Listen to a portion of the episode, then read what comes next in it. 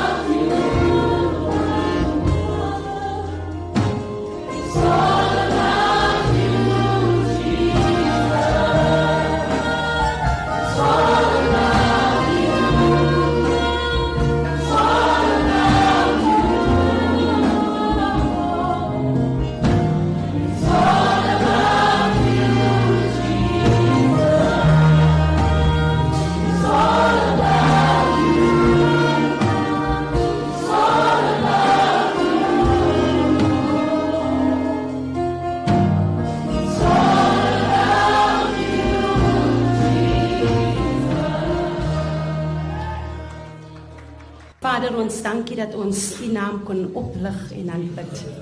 Word verheerlik in ons midde. Selfs wanneer ons na die woord van U gaan luister en laat U naam verheerlik word. Amen. Geliefdes, vandag is dit ons voorreg om U te kan groet in die wonderlike naam van ons Here Jesus Christus. Die een wat ons genadig is en ons hierdie week deurgedraai het.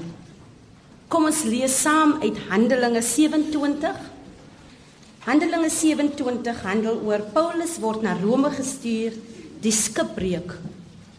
En toe daar besluit is dat ons moes wegvaar na Italië, het hulle Paulus en sommige ander gevangenes oorgegee aan 'n hoofman oor 100 van die keiserlike leerafdeling met die naam van Julius. En nadat ons in 'n skip van Adramitum gegaan het met die doel om by die aanlegplekke in Asië aan te gaan, het ons afgevaar en Aristarchus van Macedonië, 'n man van Tessalonika, was saam met ons. En die volgende dag het ons by Sidon aangekom en Julius het Paulus menslievend behandel en hom toegelaat om vriende te besoek en versorging te ontvang. En daarvandaan het ons afgevaar en onderkant Siprus verbygeseil omdat die winde teen ons was. Ons het daar op die see langs Sicilië en Pamfilië deurgevaar en by Myra en Lycia aangekom. En daar het die hoofman oor 100 'n skip van Alexandrië gevind wat na Italië vaar en ons het daarop oor laat oorklim. En verskeie dae het ons lanksaam gevaar en met moeite teenoor Snides gekom en omdat die wind ons nie toegelaat het nie onderkant Kreta langs gevaar teenoor Salmoni. En toe ons met moeite dit verbygeseil het, kom ons by 'n plek wat genoem word Mooi Hawens in die nabyheid waarvan die stad Lasie is. En omdat 'n geruime tyd verloop het en die skeepvaart al gevaarlik geword het en die vastyd ook al verby was, het Paulus hulle gewaarsku en gesê: Manne, ek sien dat die reis met ramp en groot skade verbonde sal wees, nie alleen vir die vrag en die skip nie, maar ook vir ons lewe. Maar die hoofman oor 100 het meer aan die stuurman en die eienaar van die skip geglo as aan die woorde van Paulus. En omdat die hawe nie geskik was om daar te oorwinter nie, het die meerderheid aangeraai om ook daarvandaan af te vaar en indien moontlik Phoenix te bereik om te oorwinter, 'n hawe in Kreta wat oop lê na die suidweste en na die noordweste. Tot dusver. In hierdie hoofstuk is dit 'n uitvloeisel van Paulus en ander 275 siele wat as gevangenes op 'n vragskip reis. Die redes vir Paulus as die hoofkarakter in hierdie hele plot is Een, hy was skuldig bevind dat hy 'n verraaier was, dat hy 'n leier was van 'n splintergroep en vir die tempeloheiliging. As u in hoofstuk 24 lees, sal u dit daar vind. Hy was dus in hegtenis geneem in Palestina omdat hy glo die vrede versteur het en oproer gemaak het. Paulus het sy saak heftig probeer verdedig met vertroue en natuurlik was hy onskuldig as gevolg van geen bewyse. En ons weet wat gebeur as daar geen bewyse is en jy word skuldig bevind. In Hoofstuk 24 verklaar hy dus sy afhanklikheid aan God, sy hoop op God en dat hy met 'n skoon gewete voor God eendag wil verskyn. Sy getuienis was altyd oor gehoorsaamheid aan God en oor selfbeheersing en oor die komende oordeel. Ons word ook hier aan herinner in hierdie hoofstuk van hoe dat hy van ondervinding praat oor sy verlede. Ons weet wie Paulus was dat hy selfs die gelowiges agtervolg het en dat hy tot bekering gekom het op die pad van Damaskus. Tydens hierdie reis het hulle sommer die wind van voor ervaar. 'n Ander hoofman het hulle te hulp gesnel en hulle laat oorklim in 'n ander skip. Nadat hulle met moeite te vergeefs voortgereis het, het hulle wel by mooi hawens aangekom. Gewoonlik sou mens nie daardie tyd van die jaar daar verby reis nie, aangesien dit in hulle winterseisoen is, net soos ons hier in die Kaap ervaar ons baie reën en wind en ons weet van die storms. En weet jy daardie area was ook bekend vir storms tydens September, Oktober maand en dit was die tyd wat hulle daar verbygereis het. In daardie leeftyd het hulle ook nie gebruik gemaak van kompasse nie. Slegs 'n diep lood. Nou 'n diep lood soos ek nagevors het, is iets wat hulle gebruik met om meting te neem van hoe diep die water is en as die diep lood uitgegooi word, dan kan hulle sien hoe ver hulle reis en hoe ver hulle in die see is. Dit leer ons eintlik om ook waaksaam te wees en om die seisoene te verstaan. So as ek iewers heen gaan om vakansie te gaan hou of om te gaan reis, dan moet ek vooraf navorsing doen om te verstaan watter tyd van die jaar daardie seisoen ons gaan tref of wat winter gaan wees of somer. Die skeepvaart het redelik gevaarlik geword en hulle vastyd was ook al verby. Ons besef dat vastyd en die tyd van Pinkster ons ook in afsondering gaan en dat ons weet daar's 'n tyd wat Pinkster ook verby is. God gebruik Paulus in hulle midde om hulle te waarsku. Hy was dis nie per toeval op daardie skip nie. God plaas altyd iemand binne ons bereik om ons te waarsku. En as ons kan sien Paulus die leier wat God afgesonder het vir hierdie taak. Hy neem eerstens inisiatief. Hy waarsku hulle dat indien hulle nie gaan luister of van roete gaan verander, sal daar iets met hulle gebeur. Hy gebruik wysheid en oorleg. Nou kom die vraag by ons, hoe ontvanklik is ons vir teregwysing en vermaaning? Is ons bereid om altyd na goeie raad en advies te luister. Vers 10 waarsku hy hulle dus en sê manne, ek sien dat die reis met ramp en groot skade verbande sal wees. Paulus se raad was natuurlik nie aanvaar nie. Dit was verwerp. Want hoekom sou hulle dan nou na 'n gevangene luister? Die hoofman luister eerder na die eienaar en die stuurman, want hulle ken tog immers hulle skip. Maar Paulus se ondervinding leer vir hom dat uit wysheid spreek jy woorde wat van God afkom. Hulle sien dus die tydelike, dit wat voor hulle is. Maar Paulus sien verder omdat hy in die gees kan sien. Paulus se advies is dus Heilige Gees gedrywe, Heilige Gees geïnspireer. Indien u in dieselfde situasie is, of verkeer. Dalk is u in die situasie deur u eie toedoen of u is daar deur ongehoorsaamheid of u is dalk onverhoeds betrap. Geen een van ons beplan om in enige situasie soos hierdie te verkeer nie. Wanneer 'n mens in stormagtige weer verkeer in jou eie lewe, dan vra ons nie daarvoor nie. Dit gebeur net. Dalk sou ons kon anker vind tydens hierdie stormagtige tyd sodat ons nie op die rotse kon beland nie.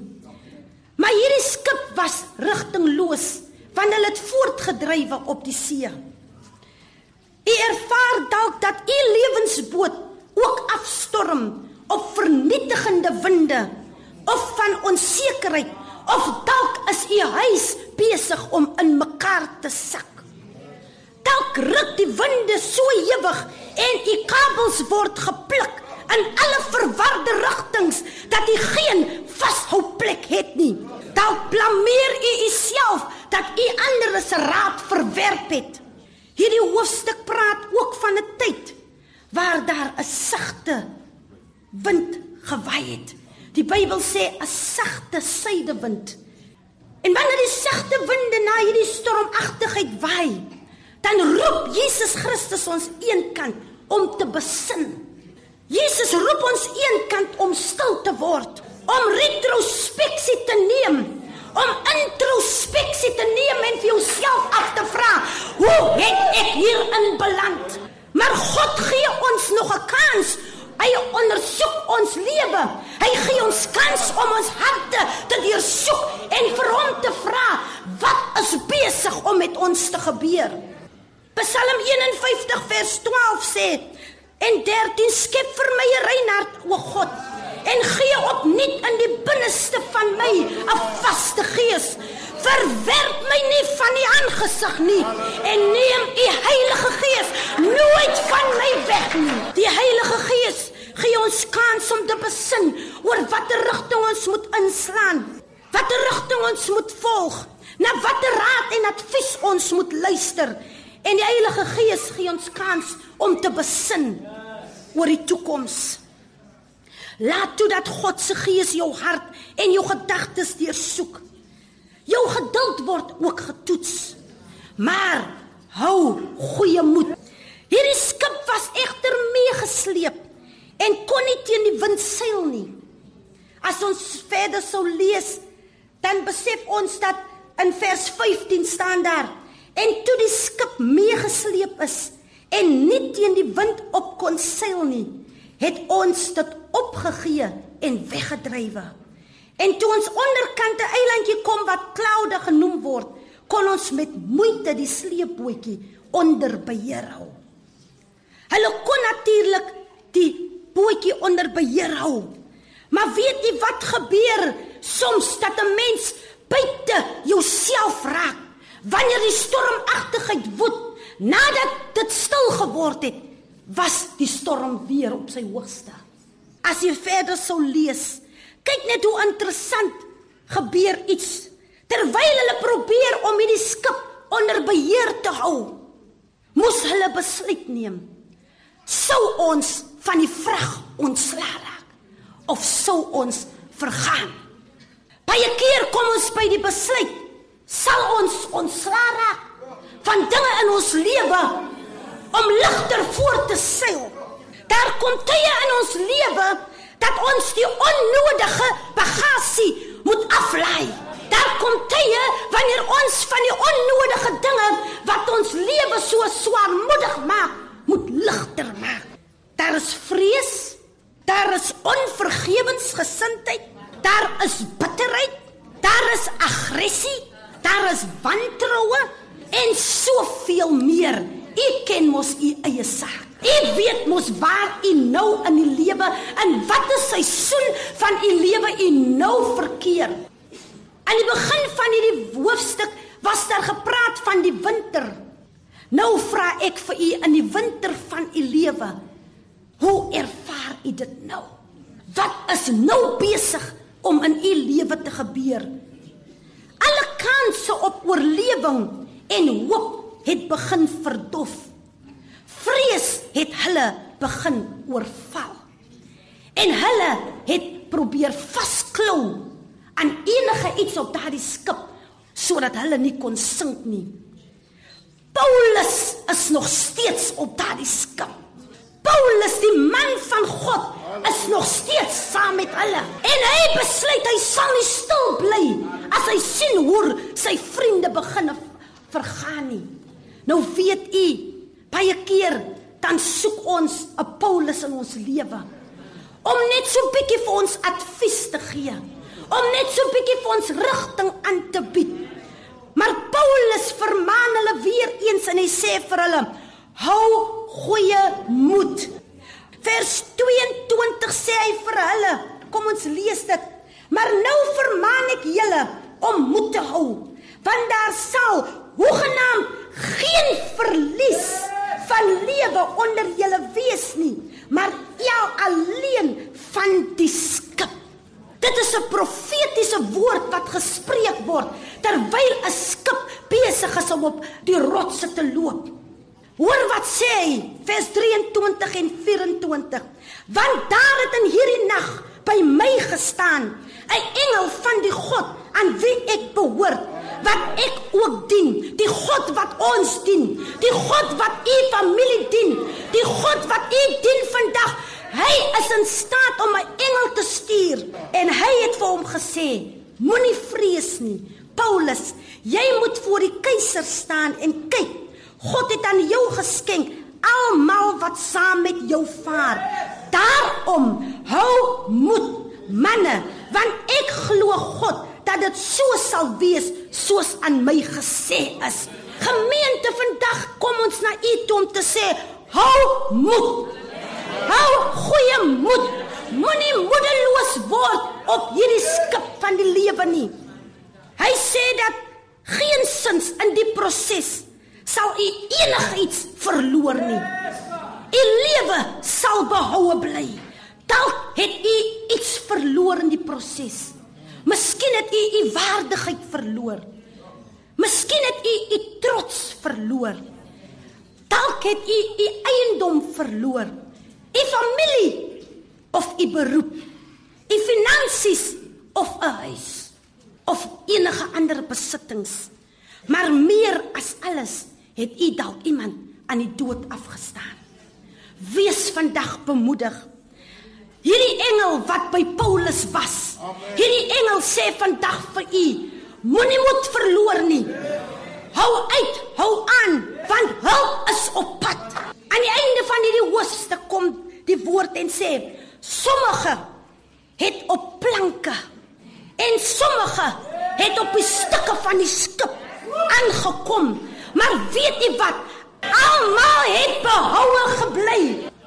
Vader, ons kom vandag na U toe. Net soos ons is. Gebroke en verslind deur die lewe. Dankie dat U in ons belang stel. U het ons gesien toe ons rigtingloos is. Toe ons radeloos was. Dankie dat ons vandag kon leer uit U uit onfeilbare woord dat U ons lewe in U hande het. Tel op ons gebroke stukke. Ons lig dit op sodat ons weer eens kan heel word. Herstel ons, trek ons nader met u liefdevolle arms. Ons gee oor vandag. Laat u Gees ons bedien. Vernuwe ons denke en verander ons lewe.